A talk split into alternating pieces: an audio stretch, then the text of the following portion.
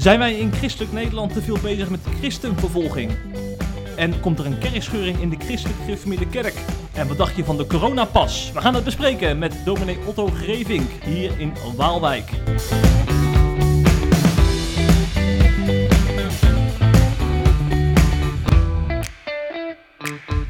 Otto, wat mooi dat we hier mogen zijn. Welkom. En mooi dat ik Otto mag zeggen, want we kennen elkaar al een tijdje. Heel graag. Ja, jij bent natuurlijk eh, PKN-predikant. En eh, ook Brabander ten voeten uit, hè? Ja. Ik ben tegenwoordig predikant in Sprangkapelle, ambulant predikant daar. En ik eh, pionier op een basisschool hier in Waalwijk. Precies, ja. En we hebben elkaar een paar keer eerder ontmoet in het dienstencentrum van de PKN. Dat is zeg maar de, de hoofdbasis van, eh, van de protestantse kerk. Ja. Daar ben je tot voor kort heel druk geweest. Ja, ik ben daar werkzaam geweest als uh, internetdominee bij mijnkerk.nl. Daar schrijf en vlog ik en blog ik nog steeds voor. En ik begeleid tegenwoordig ook eh, startende en, lopende pioniersplekken door het land. Dus kom nog eens ergens. Ja, Maar nou kom jij naar mij. ja Gezellig. zeker, zeker. Leuk om hier eh, in het Brabantse te zijn. Ik reed van, van Helvoort reed ik vanaf de Henry Nouwen conferentie naar, eh, naar hier naar Waalwijk. Dat is een mooi stukje, moet ik zeggen. Dat is een mooi? Ze- Heel veel. Ja. Het is wat dat betreft schitterend wonen hier. ja, dat geloof ik, ja. ja. Ja, we zouden bijna zeggen, luisteraars, de volgende herfstvakantie, wees erbij hier in Noord-Brabant. Welkom in de Loonse Drunense Duinen. Zeker. Zeg, wij eh, eh, gaan weer wat hete items eh, bespreken. Ik heb ze net genoemd. Eh, dus dat, eh, dat, dat vraagt nogal wat van je, denk ik. dat belooft. Ja. Ja. maar we beginnen natuurlijk met onze wekelijkse rubriek, de ergernis van de week.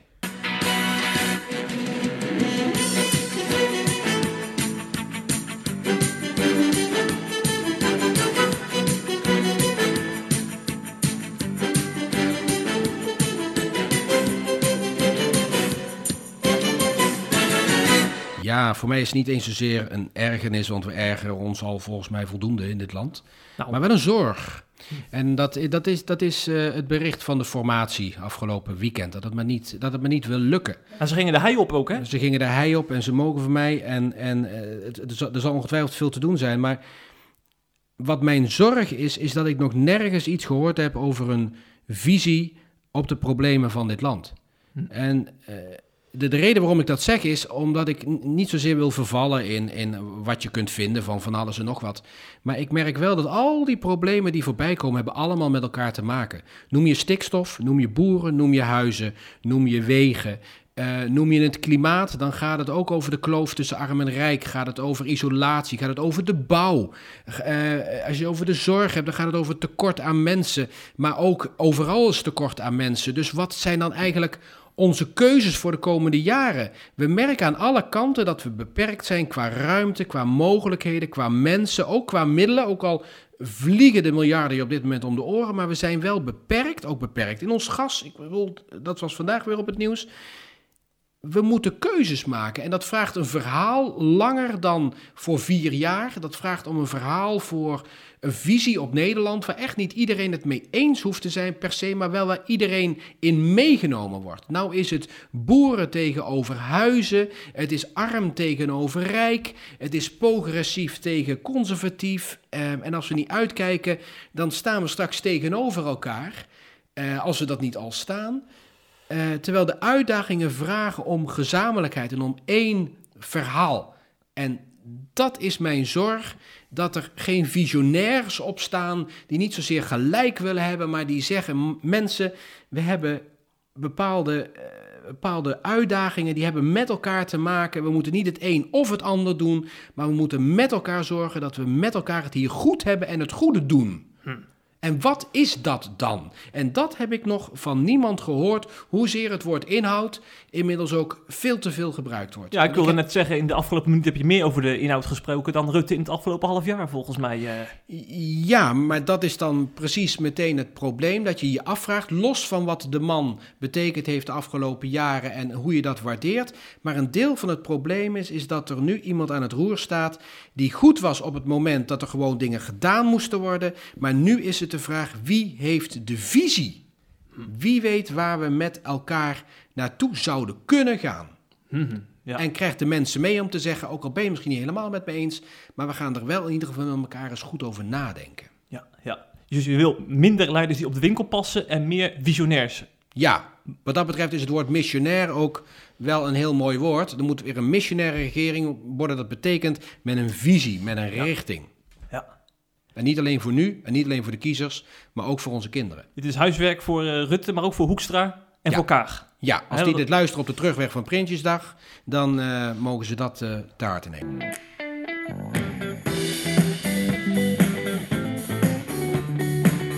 Het laatste nieuws uit christelijk Nederland bespreken we in de CIP-podcast.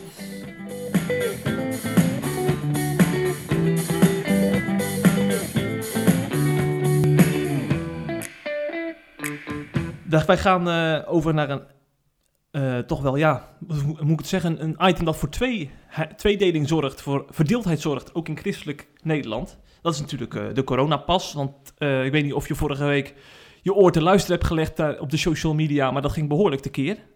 Helaas ook bij de christelijke media, want daar is er dus ook verdeeldheid zichtbaar. Je hebt dus mensen die heel erg van, eh, voorzichtig zijn. Hè? We ons nog vooral aan die, aan die maatregelen houden, want het is een gevaarlijk virus. En je hebt een groep die zoiets heeft van, nou die overheid, dat is bijna een tegenover geworden voor hen. Hè? Van, eh, daar moeten we juist niet aan luisteren. En die coronapas, eh daar moeten we ook helemaal niks mee doen.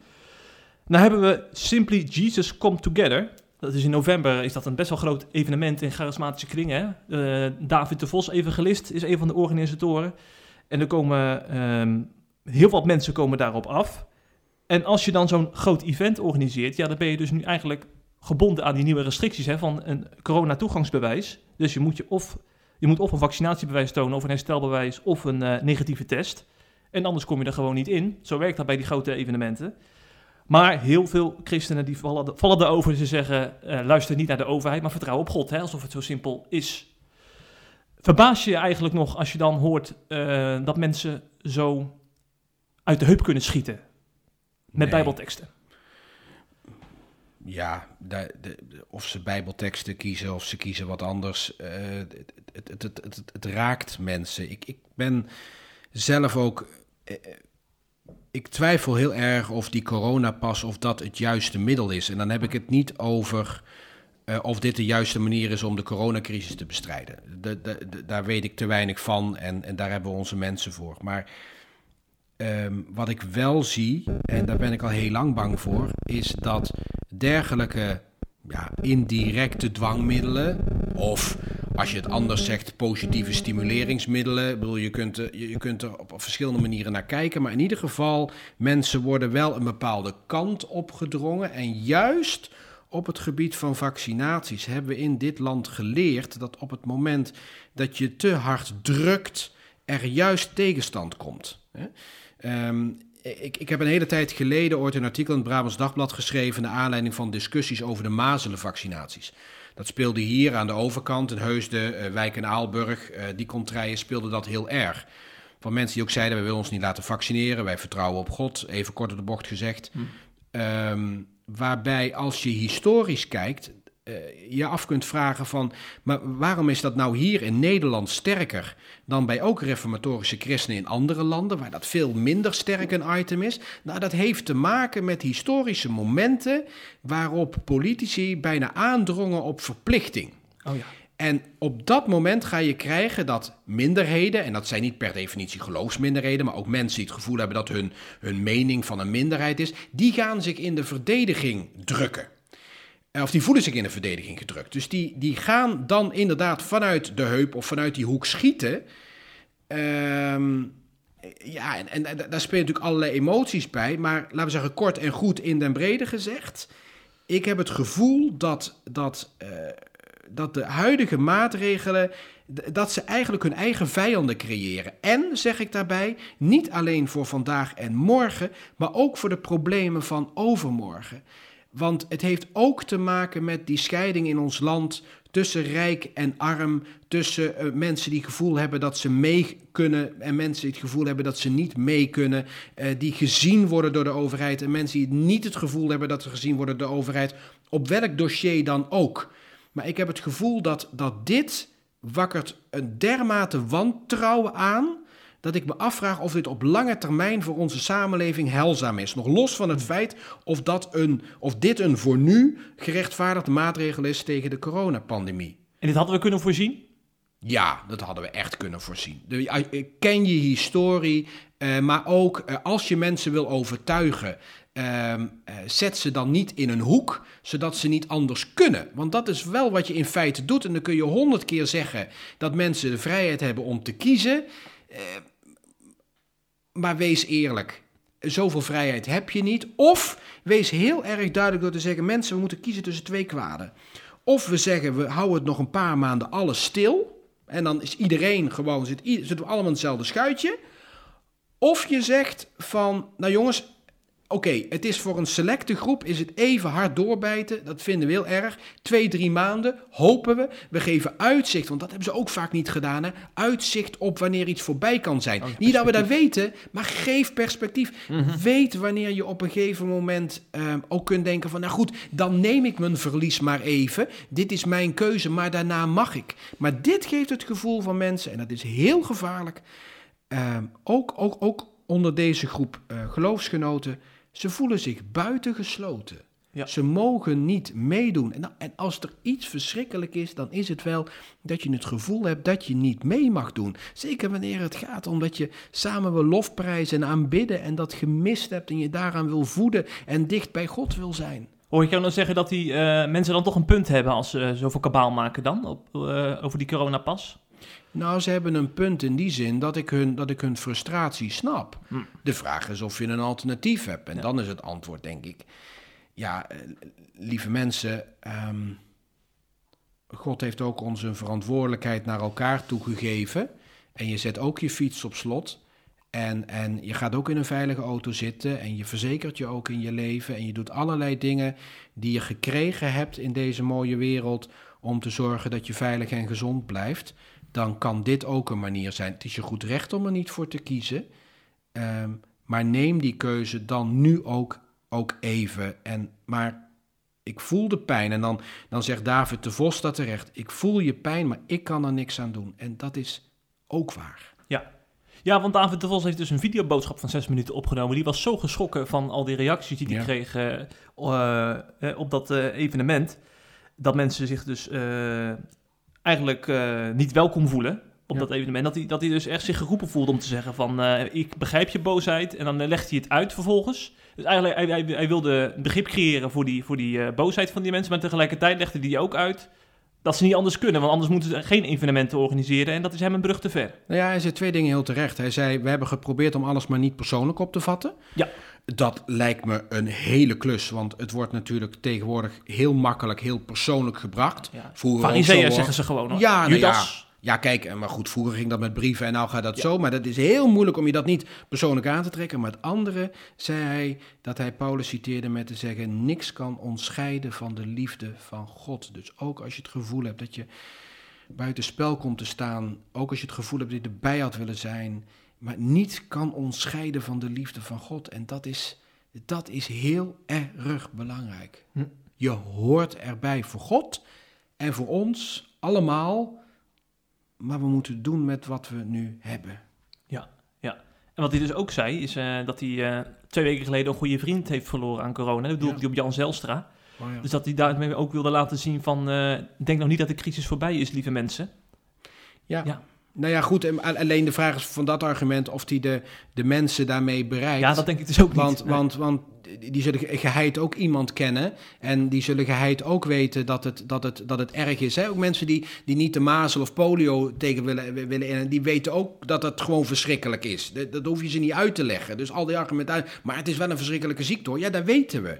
Alleen de keuze is vanuit je hart, vanuit je geloof. Van, ja, in, in, in hoeverre wil je, wil je dat middel nemen of in hoeverre geef je je over? Nou, dat- zijn ieders persoonlijke afwegingen, daar kan niemand intreden.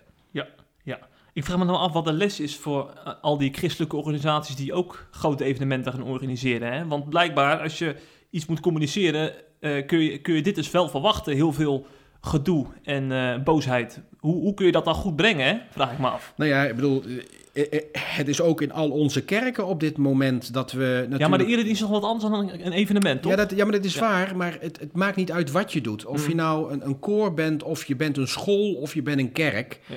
Uh, je hebt allemaal keuzes te maken in. En wat gaan we nu doen? Ik bedoel, de maatregelen worden steeds vager. Eh, we hebben gisteren in de kerkenraad besproken wat, wat de, de maatregelen nu weer zouden kunnen betekenen. En ja, er komt er gewoon op neer dat het gezamenlijk kerkelijk overleg zegt: de routekaart is van tafel. Nou, hartstikke leuk. En vervolgens hebben we helemaal geen handvatten meer. Ja, hou gepaste afstand. Ja, maar wat betekent dat dan in dit gebouw? Wat betekent dat dan voor zich? Elke keuze die je maakt, ik ben zelf ook koordirigent, ook daarin hebben we keuzes gemaakt.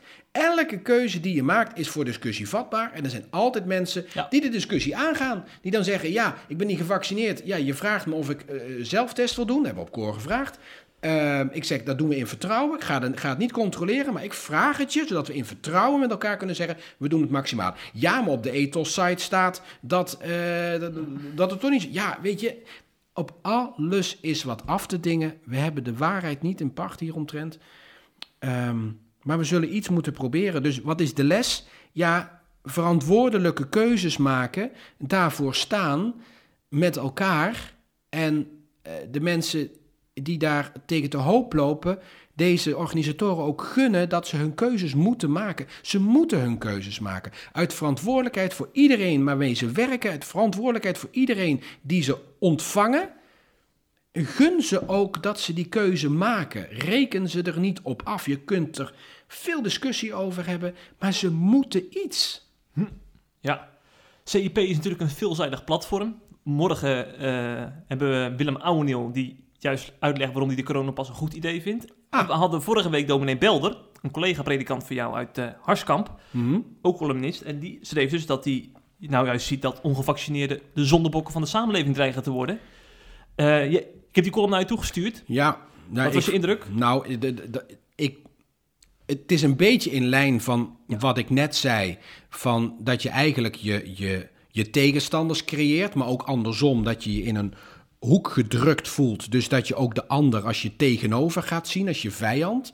Alleen de term zondebok vind ik wat dat betreft wonderlijk gekozen voor een dominee. Want die komt natuurlijk vanuit, vanuit het Oude Testamentische beeld van je laat je zonden op iets anders, op een, hè, op, op, een zondebok. Ja. En daarmee ben je het kwijt. En dan vraag ik me af, welke schuld dragen deze mensen dan van de rest van de samenleving? Dus, dus we straffen ze blijkbaar voor wat wij dan doen, of wat, wat de rest dan doet. Dus ik, ik... Ze krijgen nu de schuld van dat de, dat de ziekenhuizen dadelijk weer vollopen in de herfst. Dat is de schuld die ze nu op zich uh, ja, ja, nemen. Dat, ja.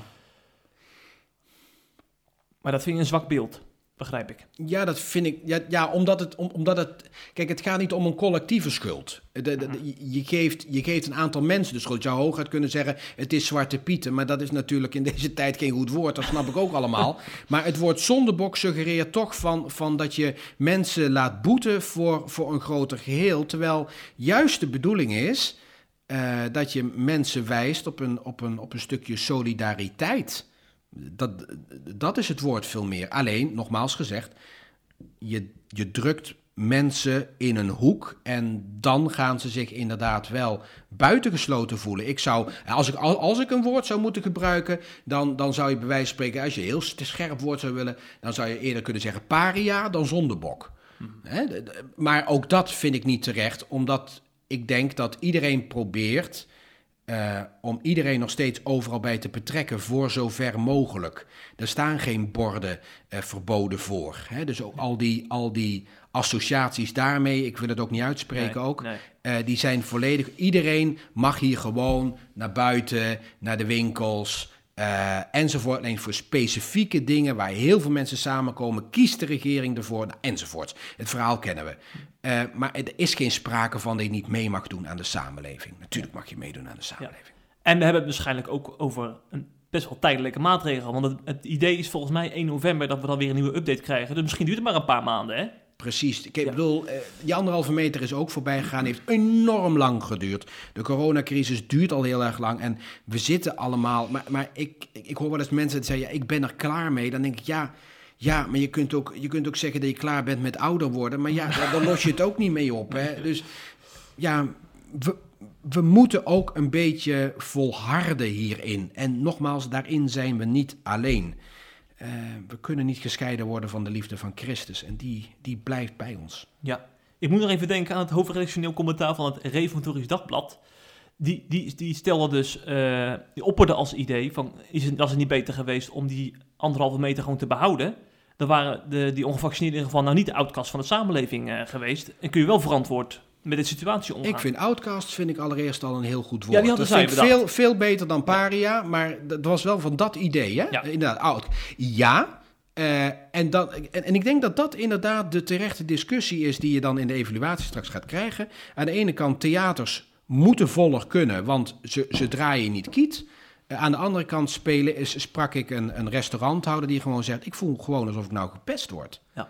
Doe zo mijn best. En dan moet ik hier politieagent gaan zitten spelen. ja, dat ook, hè? Ja. Eh, dat, dat gaat mis, jongens. Dat, dat, dat, dat, dat kun je niet vragen. Dat is echt een, dat is echt een probleem. En eh, ook, ook, ook bij allerlei evenementen. Dus, ik bedoel, wie zet je daar neer? Daar zet je niet de meest volwassen eh, oude mensen neer. Daar zet je vaak gewoon studenten neer en mensen die vrijwilliger zijn. En die moeten al die discussies aangaan. Alsjeblieft zeg. ja, ja. Ja. Maar inderdaad, dat, dat was inderdaad wel een mogelijkheid geweest van geef, geef wat, wat, wat eh, hou- die afstand. Maar je merkt, ik merk ook in de kerk, mensen kunnen die afstand haast niet meer houden. Dus de vraag is ook, is de afschaf van die anderhalve, maatre, eh, anderhalve meter maatregel niet ook een, ehm, eigenlijk gewoon eh, het vaststellen van hoe het nu is? Hm. Want per saldo, behalve bij geplaceerde evenementen, zoals dat zo mooi heet, ook in de kerk, houden we die afstand al lang niet meer. En dan moet je zeggen, oké, dat werkt dus blijkbaar niet meer. Dan moeten we nu wat anders. Nou ja, Wordt vervolgd. Weet, weet jij het, weet ik het. ja. En ondertussen eh, buigt de christelijk gereformeerde kerk zich niet alleen over die eh, coronapas en het omgaan met de nieuwe situatie eh, in deze coronacrisis, maar ook over hoe ze de gelederen bij elkaar eh, houden. Hè? Of hoe ze de eenheid in de kerk bewaren. Want dat is nogal een, eh, een punt in de CGK. We hebben het over een kerkverband van ongeveer 75.000 leden. eh, die we al heel vaak in deze podcast hebben besproken. Want synode na synode is er elke keer weer een, een hoofdpijndossier. En dat is namelijk de vrouw. Daar komt het op neer. Want vrouwelijke ambtsdragers zijn in een deel van die kerk inmiddels ingezegend, zou ik maar zeggen. En dat wordt niet op prijs gesteld door het behoudende deel van die kerk. Ik snap ook wel, er ligt natuurlijk een hele discussie achter. Het gaat niet zozeer om het, om het geslacht, denk ik, maar ook om de manier waarop je naar de Bijbel kijkt en hoe je dat dan interpreteert hè, vandaag de dag. Eh, maar het loopt nu toch wel een beetje uit de hand. Want de mannenbroeders hebben dus een verklaring opgesteld. De verklaring van gevoelen die afgelopen zaterdag in Amersfoort is besproken. Door allemaal verontruste CGK-dominees en leden. En eh, nu wordt echt hardop gewaarschuwd voor eh, een kerkscheuring. En eh, we zien ook steeds meer de gemoederen hoog oplopen. Hè? Dus dat wil zeggen dat er ook steeds minder naar elkaar geluisterd wordt. Nou, altijd als iets gevaarlijk is in de kerk, is dat we natuurlijk niet meer naar elkaar luisteren en ons eigen wil doordrijven. Hè? Dat moeten we niet hebben. Nee. Ehm Dominee de Boer is een van die eh, opstellers van die verklaring. En hij waarschuwde voor het toepassen van een zogenoemde nieuwe herm- hermeneutiek. Een manier van bijbellezen en interpretatie. Hij zegt, in de herme- hermeneutische vertaalslag is het niet langer de tekst de norm, maar de hedendaagse cultuur. Dan verwijst hij dus naar die mensen die dan vrouwelijke ambtsdragers eh, toelaten. Het gezag van de schrift is versmald tot een zelf geformuleerde, geformuleerde kern, dat nog wel evangelie heet en gezag heeft, maar de kern is uit de Bijbel gepeld. De Bijbel als woord van God tegenover mij bestaat niet meer. Herken jij iets van deze analyse van dominee de Boer? Nou, het zal je niet verbazen als ik zeg nee. Maar eh, dan moet ik gewoon mijn achtergrond eh, heel helder in zijn. Ik, ben- ik, ik, ben predikant in de protestantse kerk in Nederland. Ja. eh, die al sinds jaar en dag vrouwelijke ambtsdragers heeft. Ook een beetje als tegenbeeld gebruikt wordt door deze dominees. Van, nou ja, dan ga je daar maar naartoe als je dat wil. Eh, Ja, want de PKN is natuurlijk... eh, ehm, volgens mij zijn ze er ooit uit voortgekomen en dus willen ze juist niet op de PKN lijken. De ze willen geen plurale kerk zijn, dat is, dat is hun doemscenario. Ja, alleen, alleen de vraag is, ehm dokter De Boer heeft het dan over een kern die uit de Bijbel gepeld is. Ja. Ik wil dat beeld graag omdraaien. Ehm, doe je recht aan de Bijbel, doe je recht aan ons geloof en doe je recht aan de reformatorische traditie. Als je dat zo pelt, allerlei schilletjes ervan afhaalt, dat je tot een soort kern komt, ehm, die het een en al is, waar je van geen wijken in weet, uh, waarbij je de breedte van de Bijbel, de breedte van het geloof, de breedte ook waarin je kunt spreken over God en over onze relatie met Hem en onze relatie met elkaar. Uh, ik vraag me heel sterk af of je, uh, of je zo nauw, zo eng kunt praten over uh, de relatie tussen man en vrouw in de, als het gaat om functioneren uh, binnen de kerk. Uh, of de Bijbel, ons geloof, de reformatorische traditie niet veel pluraler is dan, dan, dan deze broeders uh, willen geloven. Uh, ik geloof namelijk niet dat wij in een, in, een, in een plurale kerk, laten we zeggen, een soort omgekeerde uh, interpretatie doen. Namelijk, want dat wordt hier gesuggereerd met die nieuwe hermeneutiek. Hè, um, um, de, de, niet langer is de tekst de norm, maar de hedendaagse cultuur. Dan denk ik, dat suggereert alsof je het beeld van hoe de samenleving nu is, alsof je dat probeert in te lezen in de Bijbel. Ja. Maar dat doe je niet. Je doet wat elke tijd doet. Je stelt vragen van deze tijd aan de Bijbel van alle tijden. En dat betekent dat je nieuwe dingen kunt ontdekken, heel simpel, omdat de, de ja, eh, omdat de vragen veranderen. Dus de, de antwoorden veranderen niet zozeer, maar de, de, de vragen veranderen. En daarmee krijgt de Bijbel steeds een andere kleur. Eh, je, je, gaat, je gaat stukken van een andere kant zien. Uh, dat betekent niet dat je de Bijbel iets anders laat zeggen. Zeker niet dat je de Bijbel laat buikspreken. Maar je gaat, um, je gaat je gaat nog andere dingen zien. Je kunt veel breder over God praten. Je kunt veel breder over geloof praten. Uh, dan, dan deze mensen, wat mij betreft, denken. En dan nog iets. Um, het, het, het, het laten staan of vallen van de gemeenschap in Christus met zoiets als de vrouw in het ambt. Um, dat is waarschijnlijk de druppel die de emmer doet overlopen. Zo werkt dat sociologisch vaak. Maar ik vraag me dan wel af aan deze broeders: is dit jullie een scheuring in de gemeenschap van Christus waard? Dat vind je wel heel stevig als dat gebeurt. Dat vind ik. Kijk, wat dat betreft zijn we daar kampioenen in in de wereld. Ja, ja. Uh, en dat moeten we ons echt realiseren. Scheuren is zonde, per definitie. Want dat betekent dat je banden verbreekt in de ene kerk van Christus. En dan kun je wel mooi gaan zeggen: ja, maar dat ligt aan hun, want zij. Hou ze er dan bij. Blijf dan in gesprek. Probeer toenadering te zoeken.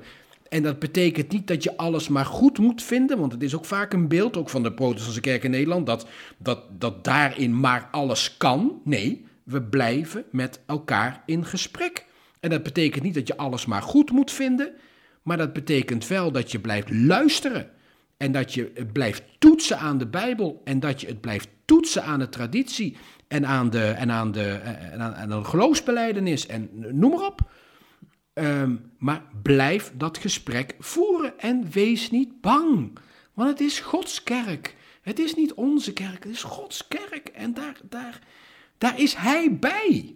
En daar hoeven wij niet in te beslissen waar daar die scheuring in gaat zitten. Er zijn ook heel veel mensen die denken natuurlijk nu weer aan 2004, hè, toen die uh, eh, PKN, waar, waar, je dominee bent, ontstond. Ja. Uh, de, de Luthersen, de, de ja. gereformeerde hervormden gingen samen tot de PKN. En er stapte dus een behoudende groep uit, die vonden dat allemaal te ver gaan. Er ja. werd een hersteld hervormde kerk. Daar denk ik nu heel vaak aan terug in deze tijd. Ja. Het ging ook heel vaak over we laten te veel toe en een andere schriftvisie en dat gaat de verkeerde kant op.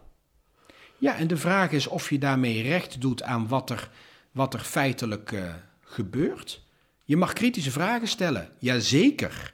Uh, en, en, en laten we zeggen, de, de, de huidige tijd vraagt er ook echt om, maar daar hebben we het straks nog wel over, over dat je soms ook staat voor je geloof. En dat wordt je niet altijd in dank afgenomen. Ook niet binnen de kerk, omdat daarin ook zoveel kleuren en zoveel ruimte is als dat er, als dat er mensen in Nederland zijn. maar blijf daarover wel met elkaar in gesprek. Ja. Dat is je christenplicht.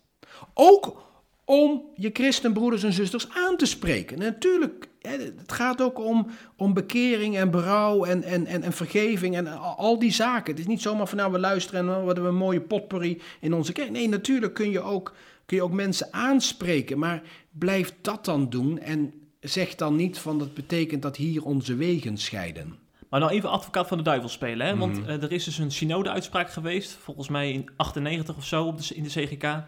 Van uh, in kerken die verbonden zijn aan ons kerkverband, daar, geldt de strengste kerkorde. Dus dat wil zeggen geen vrouwelijke ambtsdragers. En als er dan vier of vijf gemeenten zijn die desondanks de laatste jaren toch vrouwen uh, ouderling laten worden, uh, hebben die dominees dan ook niet een punt van dat zij dan te weinig luisteren en het gesprek uit de weg gaan en hun zin doordrijven eigenlijk?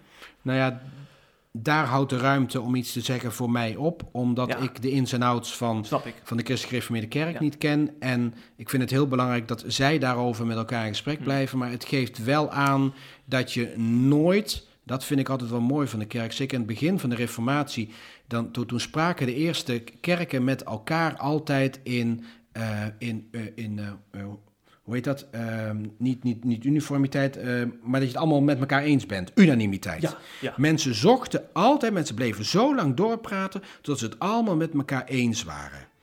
En niet totdat een meerderheid zijn zin had. En op het moment dat ik nu van, van een afstandje hoor, ik hoorde het nu voor het Mhm. eerst, dat, dat wist ik niet, ehm, van dat dit gebeurt, dan vraag je je af, wat is er toen misgegaan, dat een paar jaar later een aantal deze kant op gaan. Dat betekent dat je ergens in het geloofsgesprek ja, je zin hebt doorgedreven. Ja, ja, ja. Dus dat betekent weer luisteren, terug naar de tafel. Als dit gebeurt, dan ben je niet overtuigend genoeg geweest. Of dan praten, praten, praten. Je onderstreept hiermee de boodschap van eh, professor Zelderhuis. Zo. een, een invloedrijke man in de CGK. Nou, bij deze dan. Die heeft ooit gezegd, we gaan nu op de pauzeknop drukken. Het is tijd om te luisteren. Geen gekke keuzes maken. Eh, maar ja, die pauzeknop eh, die kun je dus blijkbaar indrukken. Terwijl er ondertussen allerlei ontwikkelingen gaande zijn die je niet kan tegenhouden. Dus ja, dat is moeilijk hè. Moeilijk om te, om te luisteren. Het, is een, eh, het is een goede oproep, maar op het moment dat eh, de rapen gaar zijn, dan, eh, Ja. dan is er weinig tijd meer over. Ja. Dan gaan we de ontwikkelingen afwachten. Eh, want afgelopen zaterdag was dus die, eh, eh, ja, dat bezinningsgesprek, zou ik maar zeggen. En het doel was ook duidelijk om echt eh, weer de koppen bij elkaar te steken en God aan te roepen. Hè? Want ze weten het zelf niet meer. Dus laten we ook hopen dat het dan positieve uitwerking heeft. En laat ze alsjeblieft voelen dat Christus roept om één te zijn. Terwijl er Ja. zo in, die, in de kleine reformatorische kerken, eh, gereformeerd vrijgemaakt, Nederlands gereformeerd, christelijk gereformeerd, dat er nu zulke goede stappen ook richting elkaar worden gezet. Er is al zoveel gescheurd in de voorbije, voorbije eeuw. En nogmaals, het is onze roeping om elkaar eh, te vinden. Laten we daar onze energie in steken. En vooral, ik gun het ze, dat ze, dat ze met elkaar dat kunnen gaan doen. Eh, verder gaan. Ik vraag me dan bijna af of we nog wel eh, ehm, recht doen aan het laatste item. Want volgens sommige christenen is er sprake van christenvervolging in ons land. Maar als we zo druk zijn met onze eigen kerk... eh, ja, kun je er dan überhaupt wel van spreken, hè? nou ja, bij eh, interne ruzie heb je geen vijanden meer nodig, zou ik maar Nee, zeggen. nee, nee. Ja, maar goed, hier, hier, hier speelt natuurlijk iets breders. Maar misschien wil je het nog even inleiden. ja Ja, dat wil ik graag doen. Nou, ja, doe want, je. want op CIP, we hebben, we hebben een rijk panel aan columnisten. En de laatste maanden zijn er nogal wat columnisten die, eh, die de noodklok hebben geluid, zal ik maar zeggen. Ik noem een dominee van Renen die zegt dat hij binnen 20 jaar voor de rechter staat. Omdat hij vindt dat het eh, christelijk-orthodoxe geluid steeds meer eh, onder druk komt te staan. En er zijn natuurlijk nog veel meer ontwikkelingen gaande. Denk aan uitgelekte details uit het, de proeven van een regeerakkoord van D66 en VVD. Dat mensen ook een soort van framen als de christenen die moeten naar de achtergrond. Hè, de vrijheid van onderwijs onder druk. Eh, steeds meer ruimte voor regenboogakkoorden eh, landelijk. Dus mensen die framen dat dan als het christelijke geluid, eh, daar is geen ruimte meer voor. En wie zich daar weer aan stoorde, dat is theoloog Alain Verheij. Hij spreekt van een christelijke vervolgingsmythe die door middel van deze nieuwsartikelen en columns eh, de ether in wordt geslingerd. En ik vind dat een gevaarlijke ontwikkeling. Eh, dan verwijs je bijvoorbeeld naar Amerika, hè, waar eh, de polarisatie zo is verstevigd, ook vanuit christelijk-orthodoxe hoek, dat op een gegeven moment eh, iedereen in, in zijn eigen hokje zit en een vijandsbeeld creëert van elkaar. En ik vraag me dan af, mogen wij hardop eh vrezen voor christenvervolging of daarover schrijven? Of is dat inderdaad een zo gevaarlijke ontwikkeling dat je daar terughoudend mee moet zijn, Otto? Nou, kijk dan eerst eens in de verslagen van Open Doors en hoe het er eh, in Noord-Korea aan toe gaat. En dan weet je wat eh, christenvervolging is, dat is één. Ja. Ehm, verder is er natuurlijk wel iets aan de hand. En dat zou ik willen noemen ehm, krimppijn. Je hebt Ah, ja. groeipijn bij kinderen, maar dit is ook krimppijn. En het is niet zo dat de reformatorische kerken, zeker niet, en nou zozeer krimpen, maar al geheel krimpt onze invloed in het maatschappelijk bestuur en in de maatschappelijke visievorming. We moeten veel meer moeite doen om, om ons gedachtegoed aan de man te brengen. Mensen weten veel minder van de waarden en de daarvan afgeleide normen. Ehm, dus je moet daar meer moeite voor doen. Ehm, terwijl we vaak nog in een idee leven, ja, maar we leven in een joods-christelijke samenleving. Dat wordt ook wel eens geroepen in de politiek. Overigens vaak door mensen die er vaak van toeten nog blazen weten, maar dat daar gelaten. Ehm, maar dat we toch het idee hebben van ja, maar onze, onze, onze erfenis of ons erfgoed staat hier op het spel. Ehm, alleen de vraag is of dat meteen betekent dat die ander dus je vijand is. We hadden het net over van de overheid creëert zijn eigen vijanden. Ja, je kunt hiermee ook je eigen vijanden creëren. Hè, op het moment dat je, dat je zegt van nou, mijn buurman die doet allemaal verschrikkelijke dingen en eh, veel te harde muziek en hij doet dit en hij doet dat en hij doet vast iets met hash en weet ik wat. Dan creëer je al voor jezelf je eigen, je eigen vijandbeeld. En de vraag is of je daarmee recht doet aan het maatschappelijk gesprek wat er is. Ehm, en of je zelfs recht doet, en dat is veel ernstiger, aan de overtuigingskracht van het evangelie. Want op het moment dat je niet zozeer zegt, ik ben teugen, maar ik heb een goed verhaal, dan krijg je daar ook mensen in mee. Als ik, er is, er is een hele heftige discussie geweest ehm, over dat voltooid leven gebeuren. Ja, Die die wet van voltooid leven. D66. Ja. Ja. Ehm, en ik merkte dat het toenmalig eh, Kamerlid Pia Dijkstra, ik meen dat het bij Op 1 was of bij Jinek, die kwam in het nauw op het moment, en dat hebben ze niet doorgedrukt, op het moment dat ze eigenlijk bleef bij een aantal mensen die toch deze mogelijkheid zouden moeten hebben tegenover een christelijk verhaal. Van ik meen iemand van, van, van de ChristenUnie en anders was het, eh, was het van de Staaij die daar een goed verhaal had over zorg voor mensen, over niet loslaten, over nog even los van hè, of dat dan uiteindelijk al die wensen eh, teniet doet. Maar eh, Dijkstra bleef maar zitten op, ja, maar je moet die mogelijkheid hebben. Dus eigenlijk was haar verhaal heel erg mager. Een ander voorbeeld is bijvoorbeeld die meer oudergezinnen. eh, Dat idee. Ik, ik moet zeggen dat ik daar ook zeer huiverig voor ben. Waarom? Omdat een rechter in familierecht zei: Ik vind twee ouders vaak al veel, daar heb ik al voldoende problemen mee. Dus dan is mijn vraag: hoe ga je om met die kinderen? Want daar gaat het om. Het gaat er niet om of, of jij en ik met nog een vrouw en nog weet ik veel, of, of het goed hebben. Het gaat om wat is goed voor die kinderen. En op het moment dat je die vraag alleen al stelt, heb je opening om jouw verhaal te vertellen.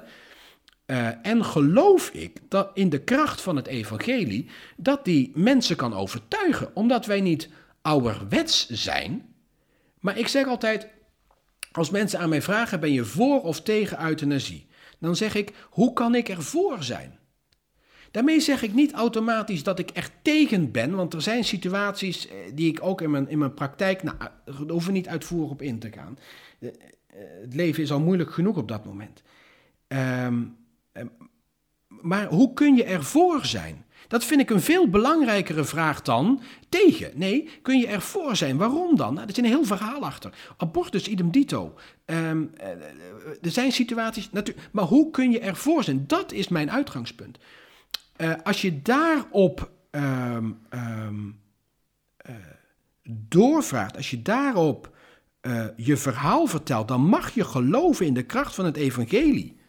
En dan heb je een verhaal wat ook gehoord wil worden door mensen. Want iedereen wil gezien worden. En iedereen wil leven. Als een derde van de Nederlanders eenzaam is, dan snap ik die vraag wel. Dan moet dat het verhaal zijn waarop we zeggen: kijk eens mensen, we hebben ook in coronatijd laten zien, niet alleen.nl, nog veel meer. We hebben werk gemaakt van dat, dat je niet alleen bent. Dat is ons verhaal. En als je daarin gelooft, dan betekent dat een andere visie op levenseinde, op uh, hoe je omgaat met, met, met onheil wat je treft. Of, uh, en, en, en dan kun je nog steeds pijnlijke keuzes moeten maken. Daar kun je aan lijden. Daar, daar, daar, dat kun je zelf zeggen van dat was niet zo bedoeld, maar het is wel gebeurd. Uh, allemaal waar.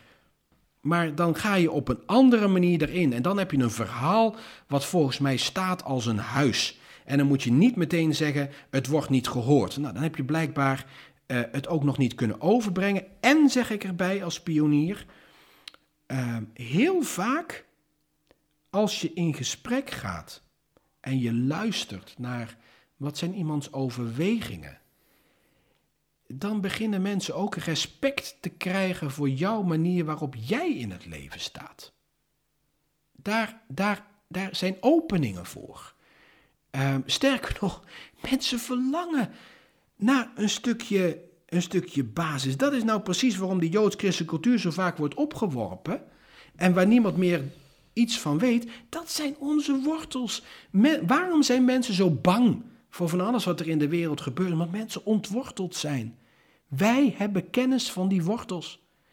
Die wortels zie je in de kunst, in de cultuur. Daarom is het ook zo belangrijk. Je ziet het er allemaal in komen. In de muziek, in de, in, in de kerken, in de kunst in de kerken, in de kunst in, of, van, allerlei, van allerlei kunsten. We hebben een verhaal te vertellen. Dat heeft gemaakt tot wie we zijn, tot de, tot de vrije samenleving die we zijn. Ja, waar inderdaad soms wel heel erg veel macht. Nou ja, maar ga dan vanuit, vanuit die wortels daarover in gesprek.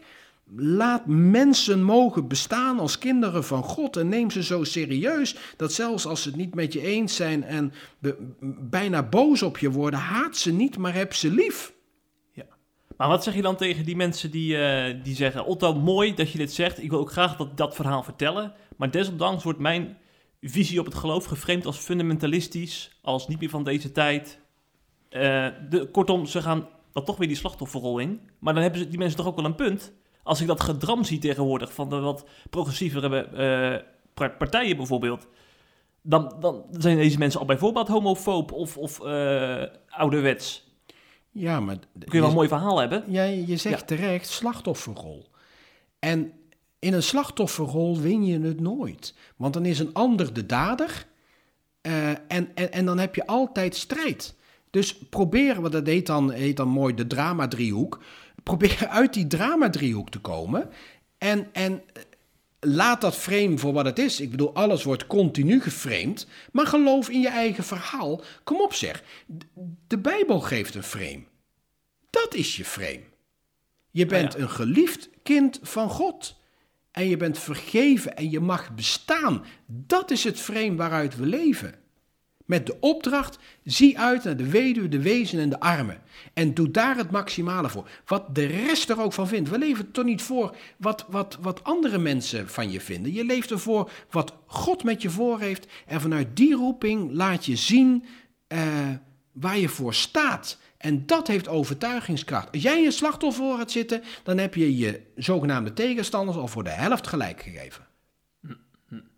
Dus het wordt tijd voor meer columns over uh, ons eigen verhaal in plaats van uh, hoe we geframed worden. Ja, door als je alsjeblieft zegt. Ja. ja, niet zo huilen, laten zien waar je voor staat. Ja, nou, vind ik, een goed, ik vind dat ook wel verfrissend, moet ik eerlijk zeggen. Dank je. Maar weet je wat ook een beetje het probleem is, Otto? Dan, uh, dan plaatsen we dus zo'n zo heel mooi levensverhaal of zo... of iemand die uh, missionair werk doet ergens in Brabant. Maar daar staat eronder staat een verhaal van, van een predikant... Die, die voor christenvervolging vreest. Nou, raad maar welke het meest wordt aangeklikt die dag. En dus uh, in, de, in de hitlijsten komt eind van de week. Dat is nooit niet een mooie verhaal, kan ik je vertellen. Nee, maar dat is natuurlijk overal zo. Mensen zoeken de, om een of andere manier ook de rampverhalen. Uh, dus daarom is het ook ons aller verantwoordelijkheid om ook niet in ramp- en doemscenario's te denken, maar te denken: wij bouwen hier aan het, mee aan het koninkrijk van God, gezegend als we zijn, totdat Christus komt. En dat is, dat is zijn moment, dat is zijn uur, dat is zijn tijd. Uh, En wij ondertussen doen wat we kunnen. Dat is onze taak. Ja. ja. En niet om het onheil of het einde van de wereld te voorspellen, want het is niet in onze hand. Ik vind het een mooie aanvulling op wat Ellen Verheij eh, op Twitter eh, zette. Hij deed dan een beetje met een steekje naar eh, eh, orthodoxe christenen, maar jij vult het dan nog eventjes eh, aan met een eh, pastorale noot. Dank. Ja. Ja, maar dat is de bedoeling. Kijk, eh, we zijn met elkaar hier op deze wereld als, als christenen, als, als geloofsgenoten. En we moeten elkaar niet te veel de loef afsteken. Nee, Kom op zeg, nee, laten we dat niet doen. dan heb je geen vijanden meer nodig. En ik merk dat ik ook wel eens even sociale media en zo uitzet. Ik, ik wil het soms ook gewoon niet weten. En eh, je hoeft het ook niet allemaal te weten. Als we allemaal gewoon zorgen dat we op onze eigen vierkante meter het met elkaar goed hebben en met elkaar kunnen leven voor Gods aangezicht en daar verantwoording voor kunnen afleggen en ons inzetten voor de mensen die het nodig hebben, ehm, dan komt het wel goed. En dan helpt het om even afstand te nemen. En dan kruip jij achter deze mooie piano. Nou kruip ik achter de piano of ik ga gewoon even televisie kijken of ik ga gewoon lekker de duinen hierin. En dan, eh, dan zie je hoe mooi Gods schepping is en wat we allemaal wel niet krijgen. Eh, Staar je niet blind op wat je wordt afgenomen. Kijk naar wat je allemaal krijgt. Elke dag weer. Je handen zijn er vol van. Bedankt voor deze mini-preek, eh, Otto. Over mini-preek gesproken, dat doe je ook wel eens op YouTube, hè? Dan zie ik wel eens filmpjes voorbij komen van mijnkerk.nl. Ja, ja. En eh, met een korte boodschap van 1, 2 minuten. Ja, precies. Dus daar, eh, we zijn, onlangs hebben we de tien geboden geprobeerd eh, in, in korte filmpjes te vangen. Een hele Ja. klus, maar hartstikke leuk om te doen. Ja. Dat is echt zo, ja, om, om ook, ook gewoon te kijken van en, en, en hoe... En hoe kun je dat nou in deze tijd duidelijk maken wat het dan concreet betekent? Nogmaals, niet omdat je de huidige tijd in die geboden wil lezen, maar wel omdat je zegt, oké, wat betekent dat nu dan? Wat, wat, wat, waar gaat dat dan over? Ja. En de moeilijkste was nog, weet je, de moeilijkste was nog, ehm, eer je vader en je moeder. Oh ja. Omdat we daarin heel veel vragen kregen van, van mensen die zeiden, ja, maar ik heb zo'n moeilijke relatie met mijn ouders. En moet ik ze dan eren? En dan kom je erachter, waar gaat dat over? Het gaat niet zozeer om die mensen, dat gaat om je wortels. Blijf je wortels trouw, waar je vandaan komt. En daar zijn je ouders onmiskenbaar een, een onderdeel van, maar het gaat met name om eer je wortels. We moeten veel meer, ehm, maar dat is meer in het lijn van het vorige, eh, ons bewust zijn van onze wortels. Mhm. Ook wij als christenen zijn af en toe te zeer ontworteld, te zeer vliegen we alle kanten op, ook met het medianieuws. Laat je niet gek maken, joh. Ja. Je komt ergens vandaan en je gaat ergens naartoe. Nou, wil je nog een mini-preek bij deze? En voor meer mini-preken zie de YouTube-pagina van Mijn Kerk. En .nl. vergeet ook niet dan even naar CIP te gaan, hè? Want eh, we schrijven natuurlijk niet voor niks al die stukken en eh, al die nieuwsberichten en columns. Ja, Dus eh, lees ze vooral en word lid. En volgende week zijn we weer terug. Waarschijnlijk met onze vaste redacteur Patrick Simons. Maak er nog een mooie week van. Otto, bedankt voor je, voor je bijdrage. graag. Bedankt voor je komst. Goeie reis terug. Dank je.